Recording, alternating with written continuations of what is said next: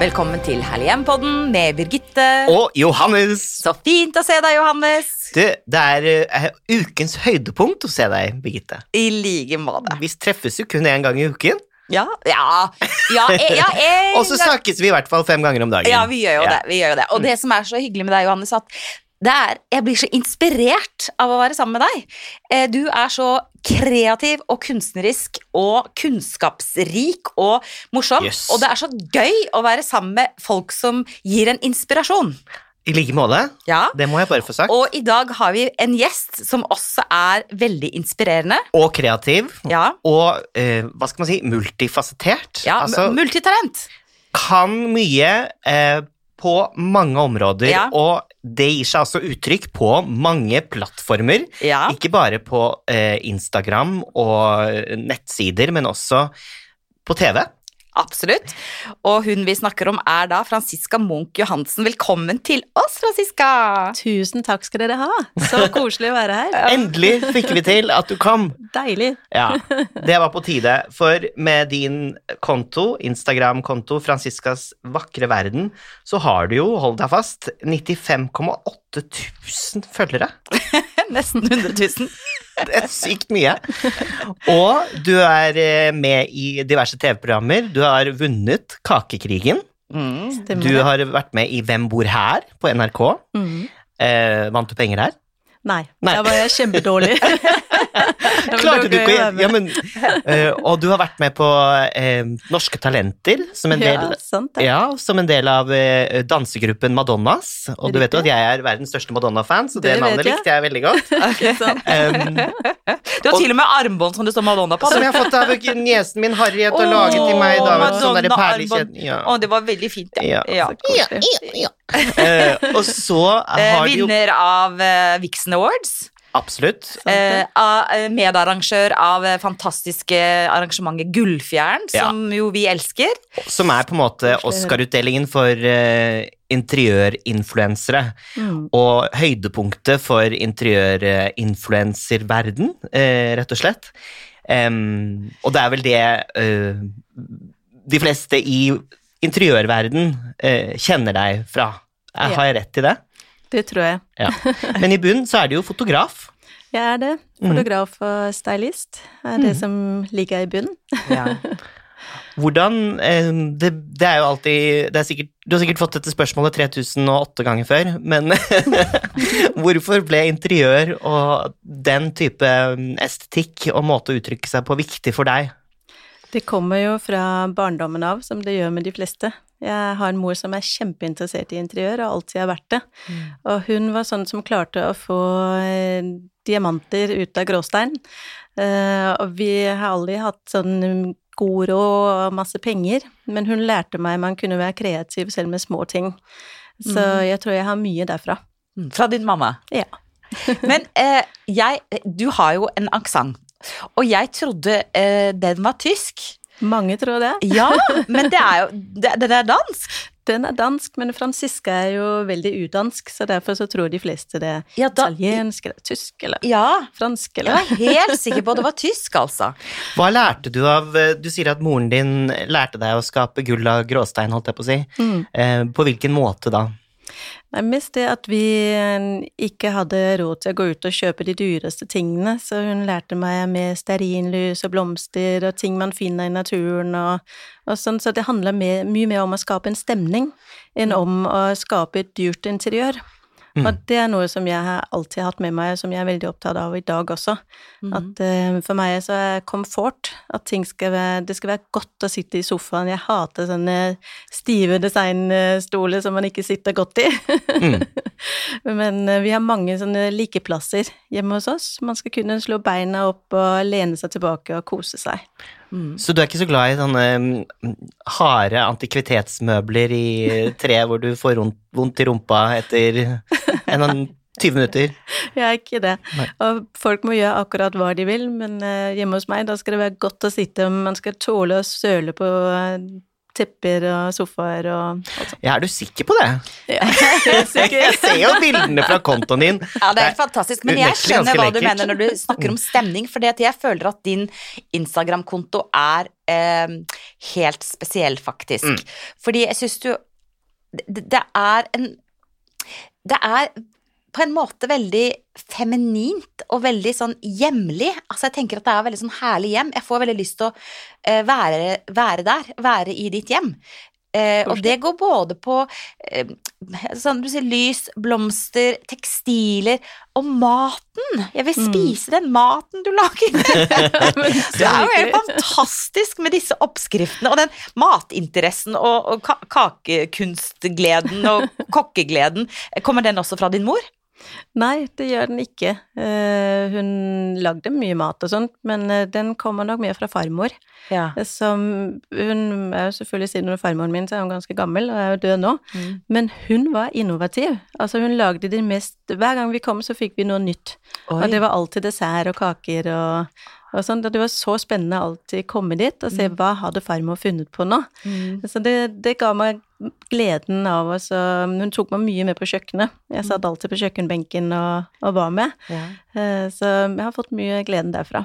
Men du, har du noe utdanning innen matlaging og kokekunst? Absolutt ikke. For det er jo helt utrolig når jeg ser på disse oppskriftene. Altså, det er jo, for det første så er de bildene så vakre at du har bare lyst til å stupe inn i Du burde jo vært programleder for Matkanalen eller noe sånt. Det er jo helt Snill du er. Jo, nei, men det er ikke Det er est- estetisk nytelse bare å se på de kakene. Veldig. Men du, du bygger jo mange av de oppskriftene på tradisjonelle eh, kaker, som Mhm. vi kjenner til, men litt nye vrier, litt nye varianter. Ja. Jeg, Mhm. jeg kjeder meg fort, så jeg, jeg må lage noe nytt. Jeg lager nesten alle de samme tingene. Så hvis jeg først skal lage noe som jeg har lagd før, så må jeg gjøre noe nytt ut av det. Ja, for plutselig så har du jo kanskje sånn tilslørte bondepiker, og så er det litt sånn Oreo Kanskje ikke akkurat Oreo, men noe annet som eh, tilsettes, da. Som mm. gjør at det er litt mer 2020. Ja, jeg har lettkledde plommepiker. Ja. Helt riktig. Mm. Ja, men det er det. Eh, og det, det syns i hvert fall jeg er veldig inspirerende å se. Men er du litt sånn petimeter-perfeksjonist? Nei det er et veldig ledende spørsmål, sorry. Hvor har du det fra?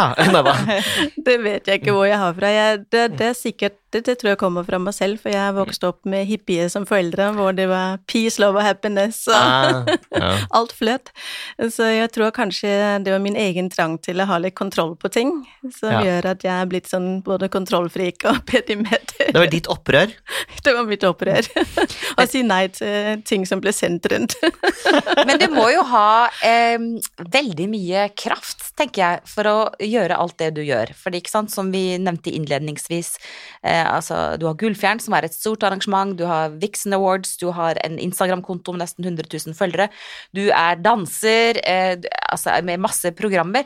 Hvor- Hvordan, hvor, hvor kommer den krafta fra? Den kommer fra at jeg er vokst opp med at det har jeg aldri gjort før, så det kan jeg helt sikkert. Den gode gamle Pippi-ordtaket. For det, jeg har ikke lært meg at eh, ting At jeg ikke får til ting. Jeg har ikke lært meg at uh, jeg ikke at jeg ikke klarer ting. Mm. Jeg har fått høre at du er kjempeflott, og du er fantastisk, masse kjærlighet, at dette klarer du. Mm. Og derfor så blir det vel sånn at man bare hopper i det, og så blir det mange ting ut av det. Og så er jeg veldig god til å um, si nei til ting jeg ikke har lyst til.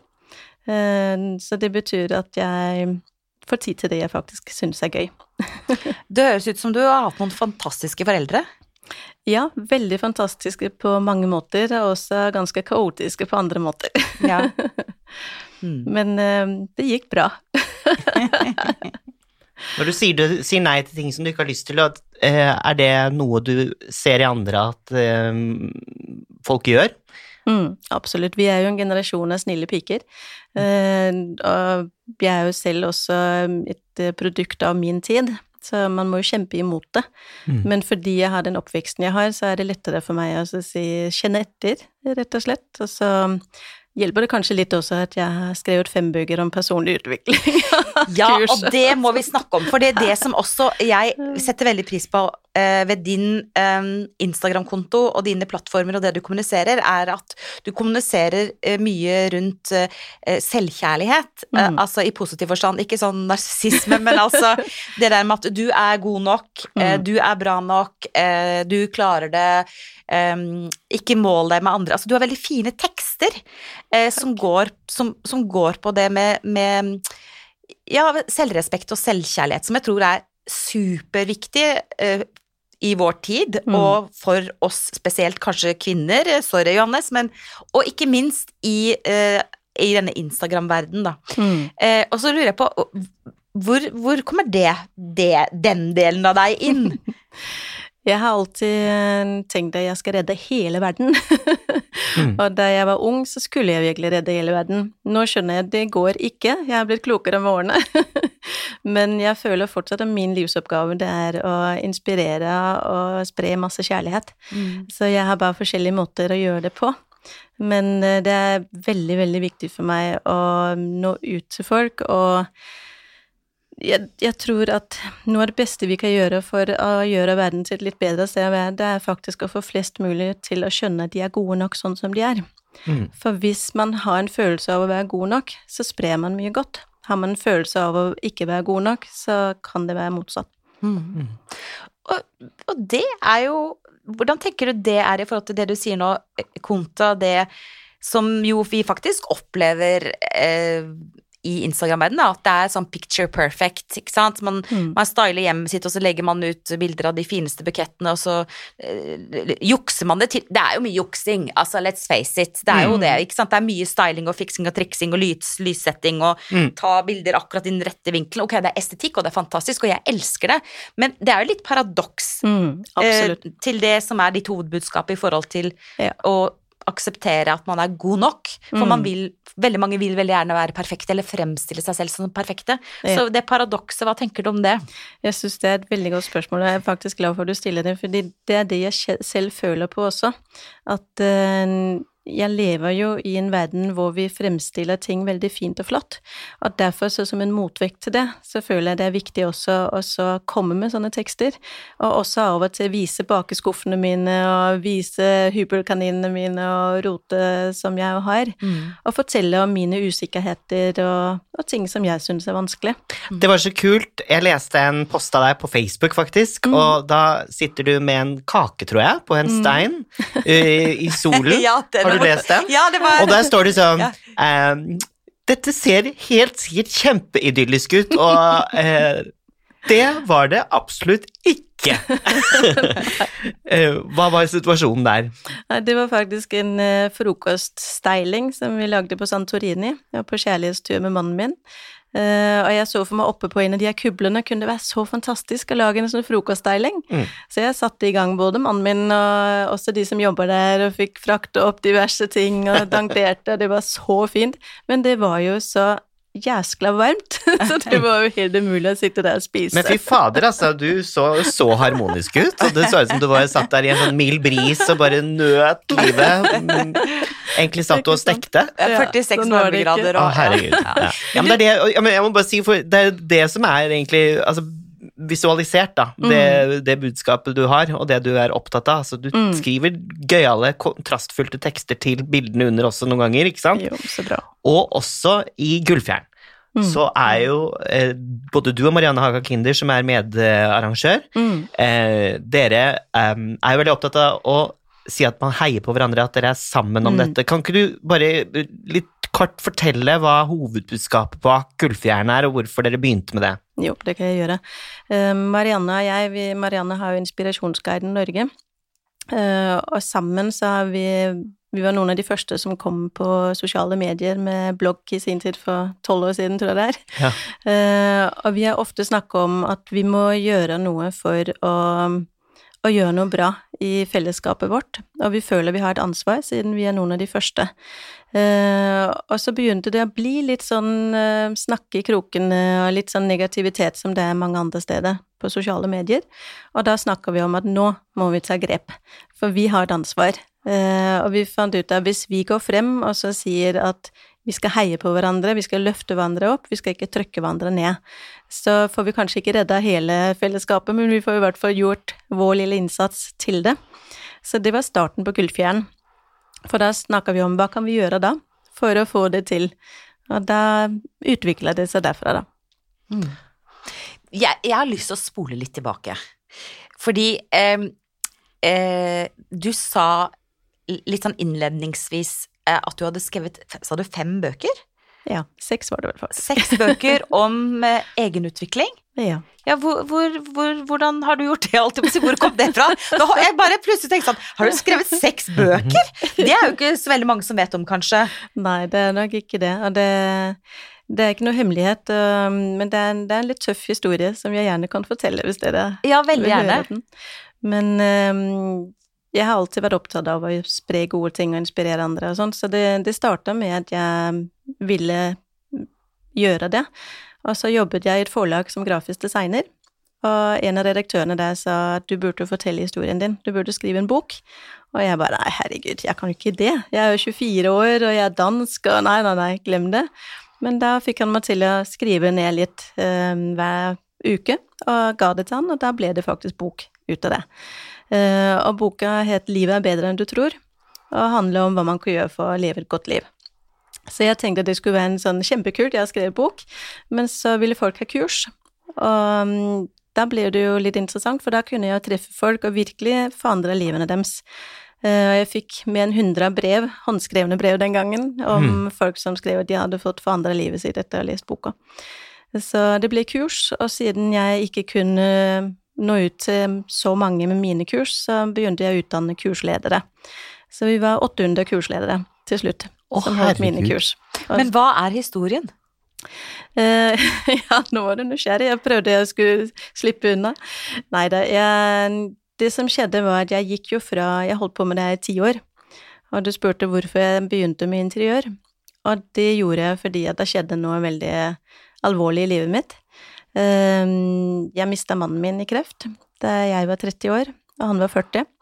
Vi hadde vært sammen i ti år, og vi skulle bli gamle sammen, vi skulle ha barn sammen, og det var en stor kjærlighet. Men sånn skulle det ikke gå. Så etter han da døde, så braste jo hele livet mitt sammen, og jeg måtte finne på noe annet å gjøre. Og da var det vanskelig å kunne hjelpe folk med sine, i mine øyne da, små problemer. Med mannen min tar ikke oppvasken og, og mm. sånt. Så derfor begynte jeg med interiør. For det var noe som var pent å se på, som sto stille, og som ikke hadde noen problemer, og som bare var snilt og hyggelig. Mm. Så derfor kom jeg inn i interiørverdenen. mm. mm. Og jeg tror ikke du er alene om det, å ha eh, Altså ikke nødvendigvis en sånn type veldig trist eh, historie, men det med at man kan finne et ro og en slags hvile mm. i estetikk. Mm. Ikke sant? For det er akkurat som om du da eh, hører på eh, vakker musikk. Dette har jo Johannes og jeg snakket veldig mye om når det gjelder herlig mm. hjem, og hva mm. vi ønsker med herlig hjem. At det mm. skal ikke være rett og galt og uh, fint og stygt og sånn, men at det der med inspirasjon som gjør at liksom livet blir litt lettere mm. å leve og litt mer gledesfullt. Og det er som du hører på et vakkert musikkstykke, ikke sant, så kan man finne ro, mm. eller ved å sysle med blomster, så kan man finne ro, eller mm. ved å male en vegg, eller være kreativ og skapende. Jeg tror det er noe som er veldig underkommunisert, faktisk. Og jeg syns det er underkommunisert også i veldig mange Instagram-kontoer. Ja. At det handler ikke bare om liksom at det er så fint, men Nei. det handler om det det gjør med oss som mennesker å, um, å oppleve estetikk. Mm. Og oppleve skjønnhet og det vakre.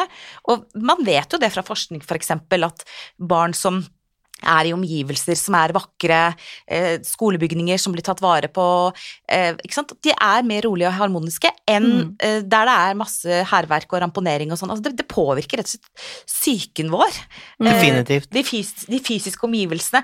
Så jeg er så glad for at du kommuniserer det mm.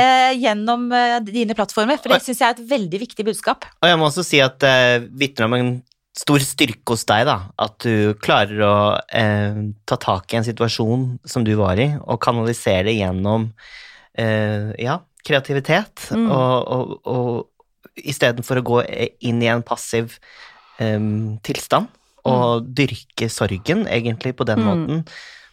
Så det er kudos. Jo, takk skal du ha. Mm, og- Jeg er så enig med det du sier, Birgitte.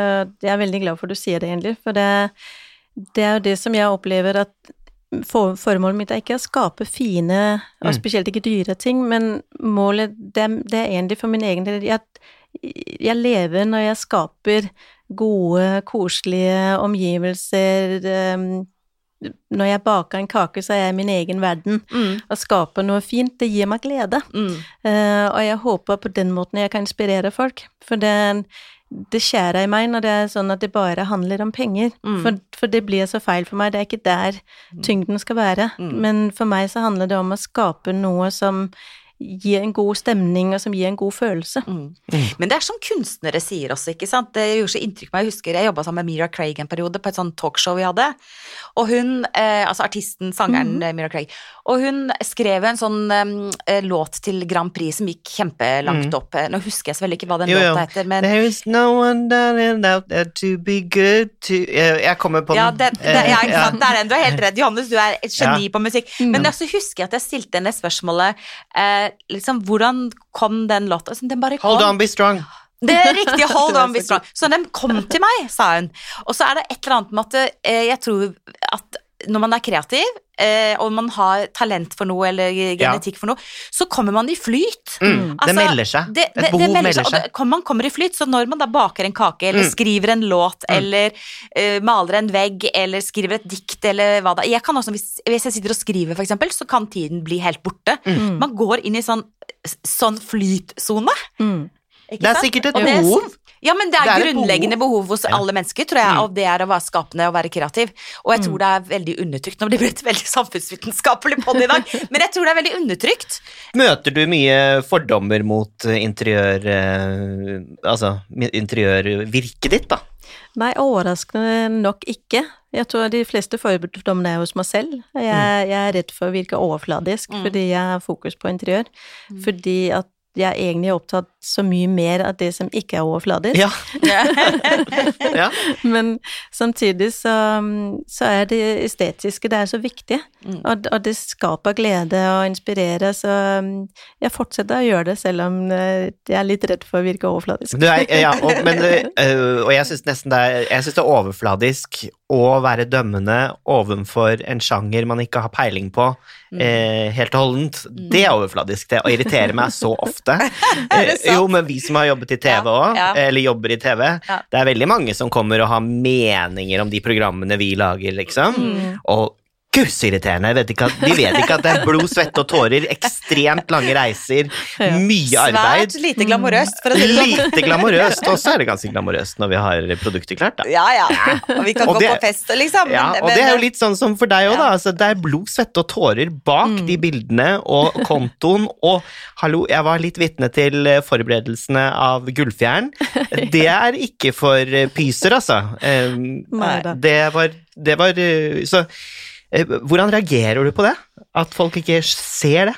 Vet du, jeg har ikke opplevd at folk har konfrontert meg med det, så um, jeg vet ikke annet enn For meg så handler det om å ha fokus på det som er bra, Ja. og ikke bry seg så mye om hva andre Ja. Sier og prater, og jeg, jeg har litt sånn evne til å bare ikke høre. Ja, lurt. Selektiv hørsel. Ja, det er veldig bra. Men du, inspirasjonen din, da. Det spørsmålet har du sikkert også fått eh, 7870 ganger, var det det du sa, Jon, sist? Noe sånt. Ja, eh, men, men eh, det er jo hyggelig å høre litt om eh, hva som inspirerer deg. Ja. Jeg finner inspirasjon mange forskjellige steder. Mm. Eh, Jeg finner det faktisk mye på Pinterest, som er en sånn helt vanlig kanal, og også på Instagram.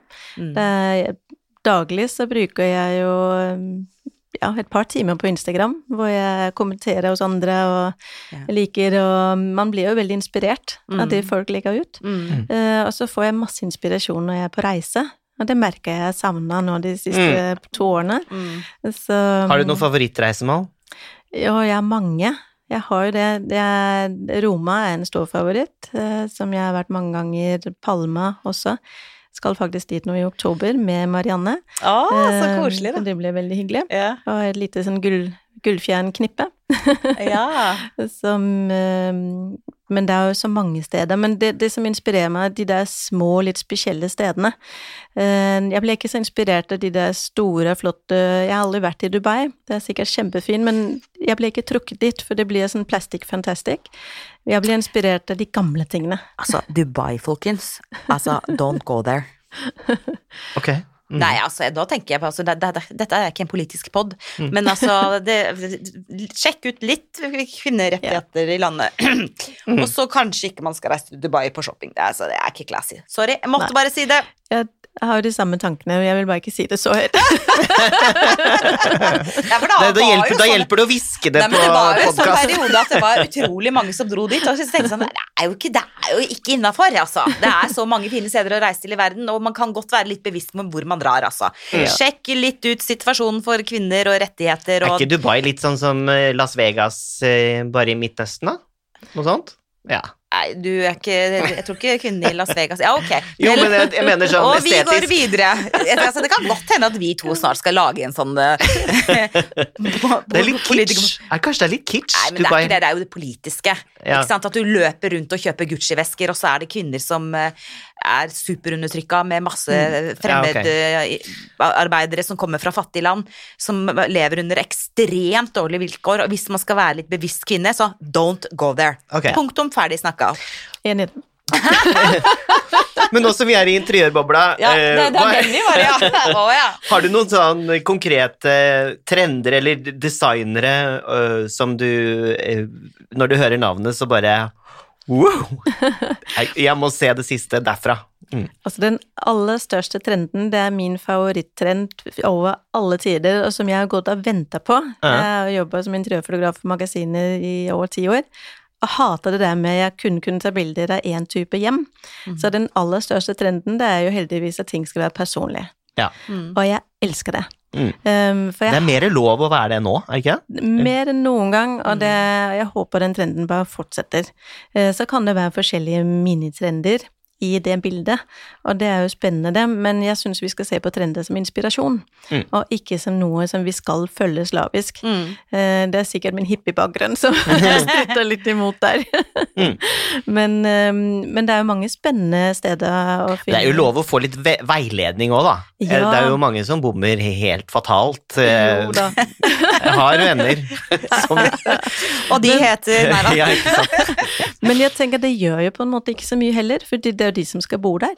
Ja. Så, Ja, det så er, lenge ikke de sant? det er noe med det. Og så er det sånn at det, vi er jo så forskjellige. Så noen er veldig opptatt av det visuelle. Ikke sant? Noen er ikke opptatt av det visuelle. De er kanskje opptatt av andre Ja, ting. selvfølgelig. Ikke sant? Sånn vi er jo mm, over gjennomsnittet opptatt av det visuelle fordi vi jobber med det vi gjør, og er opptatt av Men det er vel lov å kritisere litt noen ganger. Altså, når jeg, på, altså, jeg er sikker på at når du kommer på besøk til eh, venner, uh, Franziska, så sitter de litt sånn, og så tenker de ja, nå kommer hun på besøk, da er det kanskje greit å ha det. Du, Gunnar, da må ta og rydde opp i hjørnet der. Nå kommer Skjønner du?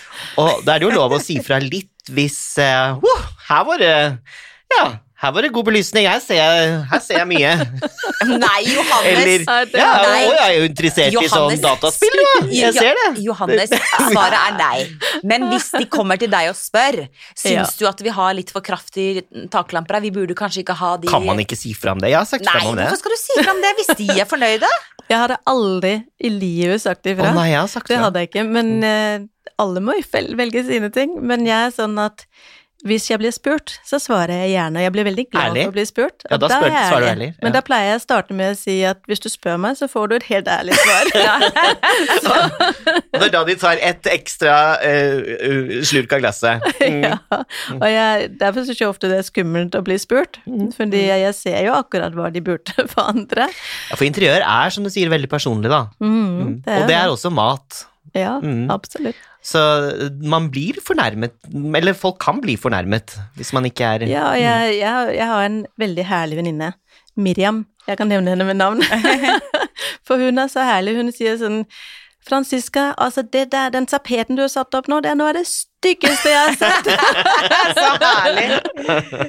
Ja, det er herlig, da. og jeg vet jo at hun bare sier sin mening, og jeg bryr meg ikke om det, fordi at det er jeg som skal bo der. Ja. Så, og jeg har mosevegg også, og det hadde hun ikke oppdaga før, før nå. Og da sa hun 'Å, herregud, det er jo så stygt'. En vegg med mose. Vegg med mose. Inne? Jeg syns det er kjempekult. De er, Inne i huset. Inne i huset. så- jeg har bare sett det på uts altså ute, jeg. Jeg nei, har ikke sett det inne. det er, har jeg sett. Det Oi. Det er sikkert veldig lyddempende, i hvert fall. veldig kult. Og veldig, altså, jeg elsker det. Hvilket Men- rom har du det på? Ja, det er stua. Eh, Ja. På en ikke så stor vegg, men eh, den er jo 2,70 og ja, tre meter bred. Så Oi, men hvordan har, du fått, hvordan har du gått fram? Nei, jeg har fått det fra i sånne ferdige paneler fra Norsk Mosedesign, som eh, er satt opp. Men må du vanne, da? Nei, det er det som er kult. Den er behandla så den er myk, og den er antistatisk. Den tiltrekker ikke støv, og ikke noe dyr og, og sånn. Så det, jeg syns det er kult, men Miriam hater den. og det syns jeg nettopp det er så fint med interiør. Mm. At når jeg kommer hjem til noen som kanskje ikke har det i mine øyne så fint, så Mm. betyr ikke det at det er stygt. Nei. Hvis de liker det, så er det jo det viktigste. Ja. Ja, og så er det noen som faktisk ikke er så opptatt av det. Altså, som, altså Det betyr ikke så mye. Ja ja, nei, men eh, den er god å sitte i den stolen, så det er greit for meg, liksom. Ja. Så da spiller det ingen rolle. Nei, jeg er sikker på at folk kommer inn og blir helt allergiske mot interiøret mitt, og jeg har veldig mye ting. Jeg, er maksimalist. Uh, 000, ikke sant? Mm. Og det er jo litt irriterende sikkert for folk som ønsker å kunne liksom sette fra seg glasset på et bord, da, ikke sant? Ikke sant? og ikke kunne gjøre det. Det skjønner jeg. Ja. Det er jo helt umulig å gjøre alle fornøyd. Mm. Så jeg er jo sånn Men folk er ofte litt redde for å få besøk av meg, og det syns jeg er synd. Mm. For det er jo ikke meningen. Mm. Og, og, spesielt med mat også. Jeg koser meg like mye med en Grandiosa, altså om folk sitter på en kjøpepizza, ja. spiller ingen rolle. Nei. Mm. Det viktigste er at egentlig man kan legge beina opp i sofaen og Mm. prate sammen og ha det Ja. Er du maksimalist eller minimalist? Jeg er maksimalist. Mm. Jeg har mange ting. Mm. Jeg har det. Men- Hva er favorittingen din i hjemmet ditt? Hvis du skal velge en gjenstand. Du kan ikke lov, det er ikke lov å si 'barna mine' eller sånn. En, En gjenstand. Mm. Og ikke katten min heller. Nei, ikke katten heller. Som eh, etter norsk lov faktisk er en gjenstand, og det er helt forferdelig. En katt? Ja, nei, Kjæledyr er rangert som gjenstander i Norge. NOAH, som jeg er medlem av, vil nå kjempe for at katter og husdyr skal få lov til å ha eh, større rettigheter i Norge. For du får jo større bot av å urinere offentlig enn å mishandle en katt. Ja, Og det går ikke an. Ikke greit. Det, Nei, det er ikke Norge greit i dag. det hele. Ikke bra. Og det er ikke En liten side side Du, note, vi, må, sorry. vi har jo hatt en pod om bomdyr, men kanskje vi må ha mer dyre... Ja, få invitere NOAH, da, vet du. Ja, det kan vi gjøre. Men uh, vi var jo egentlig Vi snakket jo Ja, egentlig om katters rettigheter. Nei, nei, men katt som gjenstand ja, ja, det da. Favorittgjenstand? Eh, Da tror jeg faktisk det må være morsomt nok et speil som jeg har fått håndlaget av Miriam, som oh, wow. i stad. Ja. Som da har laget et uh, snekra, et eget eh, ganske stort speil, som hun har snekret til meg, og Oi. har skrevet inn også Angelica, står det på det, for hun Åh. ser meg som en engel. Åh, det syns jeg er så koselig. Ja. Åh, så. Men hvordan ser speilet ut? Er det Det, det er stort og rektangulært eh, med sort uh, ramme, men ganske brei treramme, som hun da har satt sammen. Så, det er litt Speil er veldig effektivt eh, Mm. virkemiddel i interiør. Jeg, er, jeg elsker jo speil, og det er jo litt skummelt å si, for det høres jo forferdelig narsissistisk ut. Narsissus druknet i sitt eget speilbilde, vet du. Men jeg, er, altså, jeg elsker speil. Jeg tror egentlig jeg kunne, kunne tenke meg å liksom, altså, samle på speil. Kan du Ja, ja. tenke deg så fint, så gamle speil? Det Mm. er altså så vakkert. Kjempefint. Det er eh, helt fantastisk. Flere ting som du er veldig glad i hjemmet ditt, da, hvis du får lov å si et par ting til. Ja, jeg har også noen skåler som jeg har arvet fra mormor og morfar, Åh. som er helt fantastiske. Det, det er morsomt nok, jeg er jo dansk, men morsomt nok så er de norske. Oi! Og dem har jeg spist av hele oppvoksten, oppveksten min. Åh, ja. Eh, og jeg fikk alltid den spesielle skålen, som var Franciscas skål, eller Sisses skål, for jeg het Sisse da jeg var liten. Ah. Eh, for ingen kunne si Francisca, heller ikke jeg, så da ble det Sisse. fransiske? ja, det er helt riktig. Men ehm, er eh. Danmark eh, er jo kjent for design. Mm. Og når man snakker om nordisk eh, design, så snakker man jo om Danmark, egentlig. Ja. Mm. Uh, og er det en slags stolthet du føler rundt det, uh, å komme fra å være dansk uh, opprinnelig? Og hva ved Danmark savner du, og hva har du tatt Altså, du nevnte skålen, men er det noe av stilen din du har tatt med deg inn i interiøret, Mm. som er typisk dansk? Det har jeg nok. Jeg, jeg har jo en nordisk stil, også mm, mange sier den er litt sånn bohemstil. Morsomt nok så ser jeg det ikke selv, men det er bare fordi jeg velger ting som jeg liker. Um, så jeg har jo den nordiske stilen, og Mm. jeg har naturtonene. Er Mm. nok typisk nordisk. Ja. Uh, jeg klarer ikke farger. Jeg prøver igjen og igjen, og jeg er så imponert over de som klarer å fylle hjemmet sitt med farger, men jeg, jeg tror jeg har sånn fargeallergi. jeg, jeg blir forstyrra. Ja, for du er ikke redd for mønstre, og du er ikke redd for ting som glitrer. Det har jeg sett på bildene. Mm. Men, Men det går i eh, den, eh, ja, jordtyp, jordfarger og naturfarger, ja. ja. Det er sant det, når du sier det. Det er gøy når du eh, forteller meg det, for nå ser jeg tråden. Mm. Og det, det gjør det jo lettere å innrede. Det er faktisk et av de beste interiørtipsene. Det er velg en fargeskala. Så kan du blande og mikse og stiler og alt mulig, bare du har de samme fargene. Mm. Så er det lett å få det harmonisk. Vi vil gjerne ha flere tips. Altså, velg en fargeskala som er gjennomgående da i, i hjemmet. Ikke Ja. sant? I alle rom, på en måte. Ja, man kan jo ha litt forskjellige, men eh, det er lettest å få et harmonisk resultat hvis det går igjen i alle rom. Mm. Uh, og da betyr det ikke at alt skal være brunt, men at man velger en fargeskala hvor Mm. man har et par hovedfarger og så noen mellomfarger. Mm. Og jeg har for eksempel sort og brunt og beige og grått er mine farger. Ja. Og så lenge man da mikser dem på alle mulige måter, da blir det veldig harmonisk. Mm. Veldig lett. Og også spennende. Du, du har jo veldig mye tekstiler òg, Ja. jeg har sett. Men er flere gode råd. Vi skal ha flere gode råd. Okay, ja. må ikke du begynne å prate, Johannes? For, nei da, bare tuller. Få flere gode råd Allan, når vi har deg. Du, 100 000 følgere, altså det er jo helt vanvittig. Så vi vil ha mest, mest mulig råd fra deg nå. Ja, men jeg gir gjerne råd, og, og jeg elsker som sagt når folk spør meg om råd, Ja. så det er bare hyggelig. Ja. Eh, teksturer er også veldig viktige. Aldri har bare de samme overflatene på alt, men eh, bland eh, mykt og hardt og skinn og rustikt, og mm, det gir spenning i et interiør. Det er en veldig enkel og fin måte å få, få det fint. Um, mm. Mm. Flere tips? Komfortable møbler. Ja, jeg, det, det handler Et av de beste tipsene det er jo å innrede sånn som du vil ha det. Eh, fordi at vi veldig ofte innreder etter trender, eller Mm. etter det som vi ser andre gjør. Mm. Men bruk litt tid på å virkelig spørre deg selv hvilke farger liker jeg? Mm. Hvilken stil liker jeg? Det spiller ingen rolle at eh, det er supermoderne med at alt skal være hvitt, sånn som det var på shabby chic-tiden, hvis du ikke liker det. Men det er litt vanskelig å vite hvor man skal begynne. For jeg kjenner meg litt igjen i dette her. For jeg vet egentlig veldig godt hva det er jeg liker, og hva det er jeg Mm. elsker. Ikke sant? Men så er det jo sånn at eh, man ha, har jo et liv, da. Og så har man arvet noen møbler, og så har man fått noen ting, og så har man gjort noen impulskjøp, og så har man kanskje gjort noen feilkjøp. Og så I hvert fall jeg er sånn som, jeg er sånn som ikke liker å kaste og kvitte meg med ting. Jeg kan godt Mm. gi bort ting hvis noen liker noe jeg har, så kan jeg gjerne gi det, men jeg er ikke sånn som bytter ut hele tiden, for det mener jeg det er, det er, veld, det er veldig mot. Ørs, sånn Mm. gamle kjerringa. Jeg er veldig mot det. Og da blir det litt sånn at hvis jeg skal begynne å endre nå hjemmet mitt, liksom mot den retningen jeg egentlig drømmer om å ha det, da. Hvor skal jeg begynne? Ja, men skjønner du, altså det er jo, Hvor skal man begynne da? For det tror jeg, jeg tror det er mange som er i den situasjonen. Du Mm. har kanskje et litt vanlig Si at du har et litt vanlig, kjedelig husbankhus, da. Ja, Og så har du hvite legger vegger, og så har du. Ja, hvordan skal man gjøre det? Men For jeg vil at du skal si det først. Ja. Jeg, jeg, vil- jeg, eller, jeg, jeg vil ikke tråkke på noen tær her. Hvor begynner man? Jeg mener man skal begynne med å se på mm, hvert rom med litt nye øyne, og så si til seg selv hva elsker jeg her, og hva er ikke så viktig for meg. Så kvitt deg med det som ikke er så viktig, og behold det du elsker, og jobb ut derifra. Det var lurt. Jo, men i en stue, for eksempel, Mm. så er det jo ganske naturlig at man har eh, et sted å sitte og hvile seg, Mhm. og det er naturlig at man har spiseplass. Men ja, hvis du tar stua di, da. Ja. Hva ville du valgt å beholde? Hva er det du elsker der? Du elsker det. Pianoet mitt? Mhm. Da skal du i hvert fall ikke kvitte deg med det. Nei. Jeg har heller lyst til å ha et flygel. Kaste ut sofaen og ha et flygel.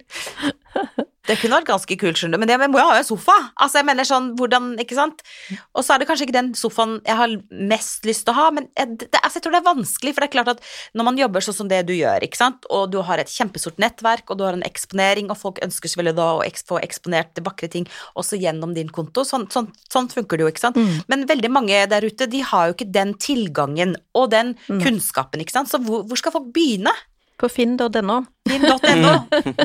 Jeg er veldig tilhenger av brukte ting. Ja. Sofaen min har jeg hatt i over ti år. ja. Så det er ikke sånn at jeg bytter ut Nei. eh, ting, heller bytte ut de små tingene. Mm. Og så, som du sier også, gi det bort. Sørg for at det får et nytt liv. ja. Mm. Det gjør jeg alltid med Jeg har mange venninner som eh, du drypper litt på. Ja. Uh, og da får du et nytt liv. Mm. Sånn at, men det er viktig å omgi seg med de tingene som man virkelig liker. Mm. Så man må ikke holde på noe bare fordi at nå har man kjøpt den sofaen, og så Mm. ferdig. Man kan jo faktisk selge den på Finn, og så kjøper man noe annet på Finn. Mm. Jeg har alltid Dette her har aldri slått feil for meg, da. Når jeg skal få et nytt uttrykk i eh, hjemmet mitt, i Ja. rommene mine, da begynner jeg alltid med veggene. Mm. Så velger jeg en farge som jeg liker, og så maler jeg those fucking walls. Men det er og så ser jeg liksom hva i rommet her er det fortsatt som passer, og hva jeg bare skriker helt feil og må bort. ja. Mm. For jeg blir veldig glad av eh, en farge jeg blir glad av, da. Mm. Ikke sant? Og det er Eller en god måte å gjøre Hva med tak? Hva skal man gjøre med takene? Jeg har sånne stygge tak som jeg tror veldig mange har, som er Mm. sånne plater eh, Ja, det har jeg òg. Sånn med Med sånn, sånn ikke, ikke nede i første etasje, men oppe i andre etasje, så er det sånne riller i takene. Mm. Hva skal jeg gjøre? Og de altså, kan jeg virkelig ikke fordra. Og jeg har jo lyst på sånn blikktak. Det er noe av det fineste jeg vet. Sånn, sånn gamle blikktak. Mm. Sånne plater. Men hva gjør man med stygge tak? Da, da velger du det som du liker. Hvis Ja. du liker sånn blikktak, så sett Ja. opp blikktak. Ja, får, man, får man tak i det? altså, man får tak i det meste, og hvis ikke du får tak i akkurat det, så får du tak i noe som ligner. Mm. Vi hadde også sånne tak-S før der Ja. vi bodde. Der, Tak-S, ja, det er det det heter. Ja. ja, da satte vi opp eh, panel i taket, da.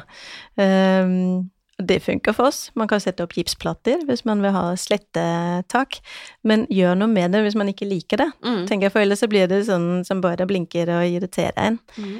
Og det trenger ikke alltid være så dyrt heller. Mm. Um, man må bare finne gode løsninger. Kanskje male med tynn gullpensel på alle de der stripene. Ja. Lage sånn stripete gulltak. Ja, gjøre litt Altså, sånn- Altså, fremheve aksentuere det, ja, istedenfor å dekke liksom, Skjønner du? Så Fremheve, Ja. fremheve det istedenfor. Det er litt sånn wabi-sabi-tanke, Ja, ikke sant? At ja. man eh, reparerer det som Mm. er isteden, med noe fint, istedenfor å kaste Mm. det. Ja, det var lurt. Og det er jo ofte med ledninger. Folk gjør det, og Mhm. lager farvede ledninger og Mm. Mm. Ja, vet du hva, veldig mye gøy. Tiden løper fra oss. Ja. Har du lyst til å si bitte litt om hva du tror kommer i trendbildet? Vi snakket litt om at eh, det personlige, Mm. eh, men hvis vi skal si noe litt mer konkret, har du noen sånne, sånne eh, trendenser, som det heter, som du tror vi kommer til å se nå utover eh, ja, i 2022? Ja, det har jeg. Eh, Jeg tror vi kommer til å fortsette med den personlige stilen. Eh, Den vil ligge der, tror jeg, i mange, mange år fremover. Eh, Men innenfor det så har vi flere sånne retninger. Og, der tror jeg en av de store, det blir den lyse nordiske stilen. Hvor man ser med litt sånn lyse beige vegger, hvite sofaer. Nå har vi de teddy mønstrene som nok vil holde et par sesonger til, og så tror jeg vi kommer til å bli drittlei. Men de er veldig fine nå. Eh, og med den litt sånn buede speiler, eh, speil, som, eh, som vi ser mye nå, eh, den holder nok også et par sesonger til. Eh, men med de litt lyse, lyst treverk og um, litt sånn design, eh, litt, litt mer minimalistisk, det tror jeg er en veldig stor trend, som passer veldig godt inn i, i nordiske hjem.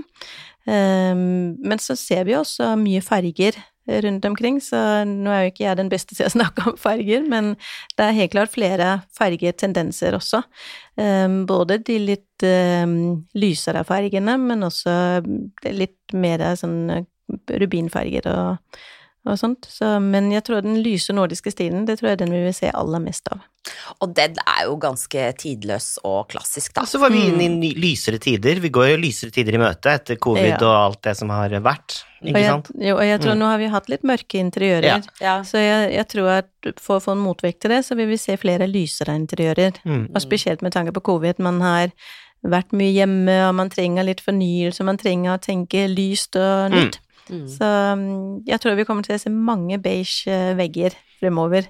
Og jeg har det selv. Jeg har hatt det en stund, og jeg har ikke planer om å bytte det ut.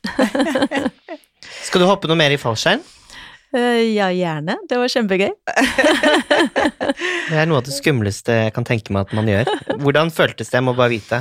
Det var kjempegøy, og jeg, jeg er ikke redd for høyder og har hoppa fallskjerm før, så på en skala fra én til ti så var jeg ikke redd i det hele tatt. Er det, er det som å ligge på en flatskjerm? Nei, det er Ligge på en flatskjerm? Ja!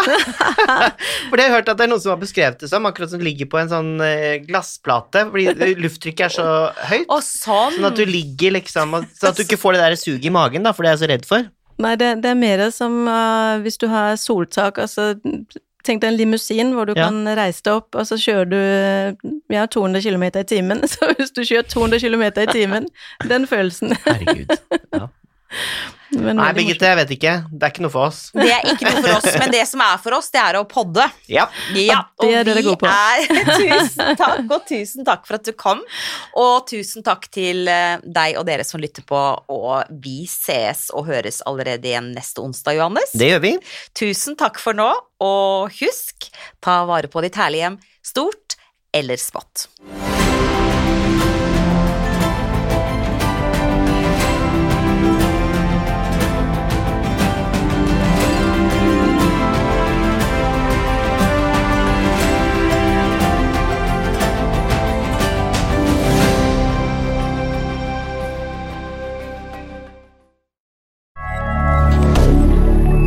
Media. Har du et enkeltpersonforetak eller en liten bedrift? Da er du sikkert lei av å høre meg snakke om hvor enkelt det er med kvitteringer og bilag i fiken, så vi eh, gir oss her, vi. Fordi vi liker enkelt. Fiken superenkelt regnskap.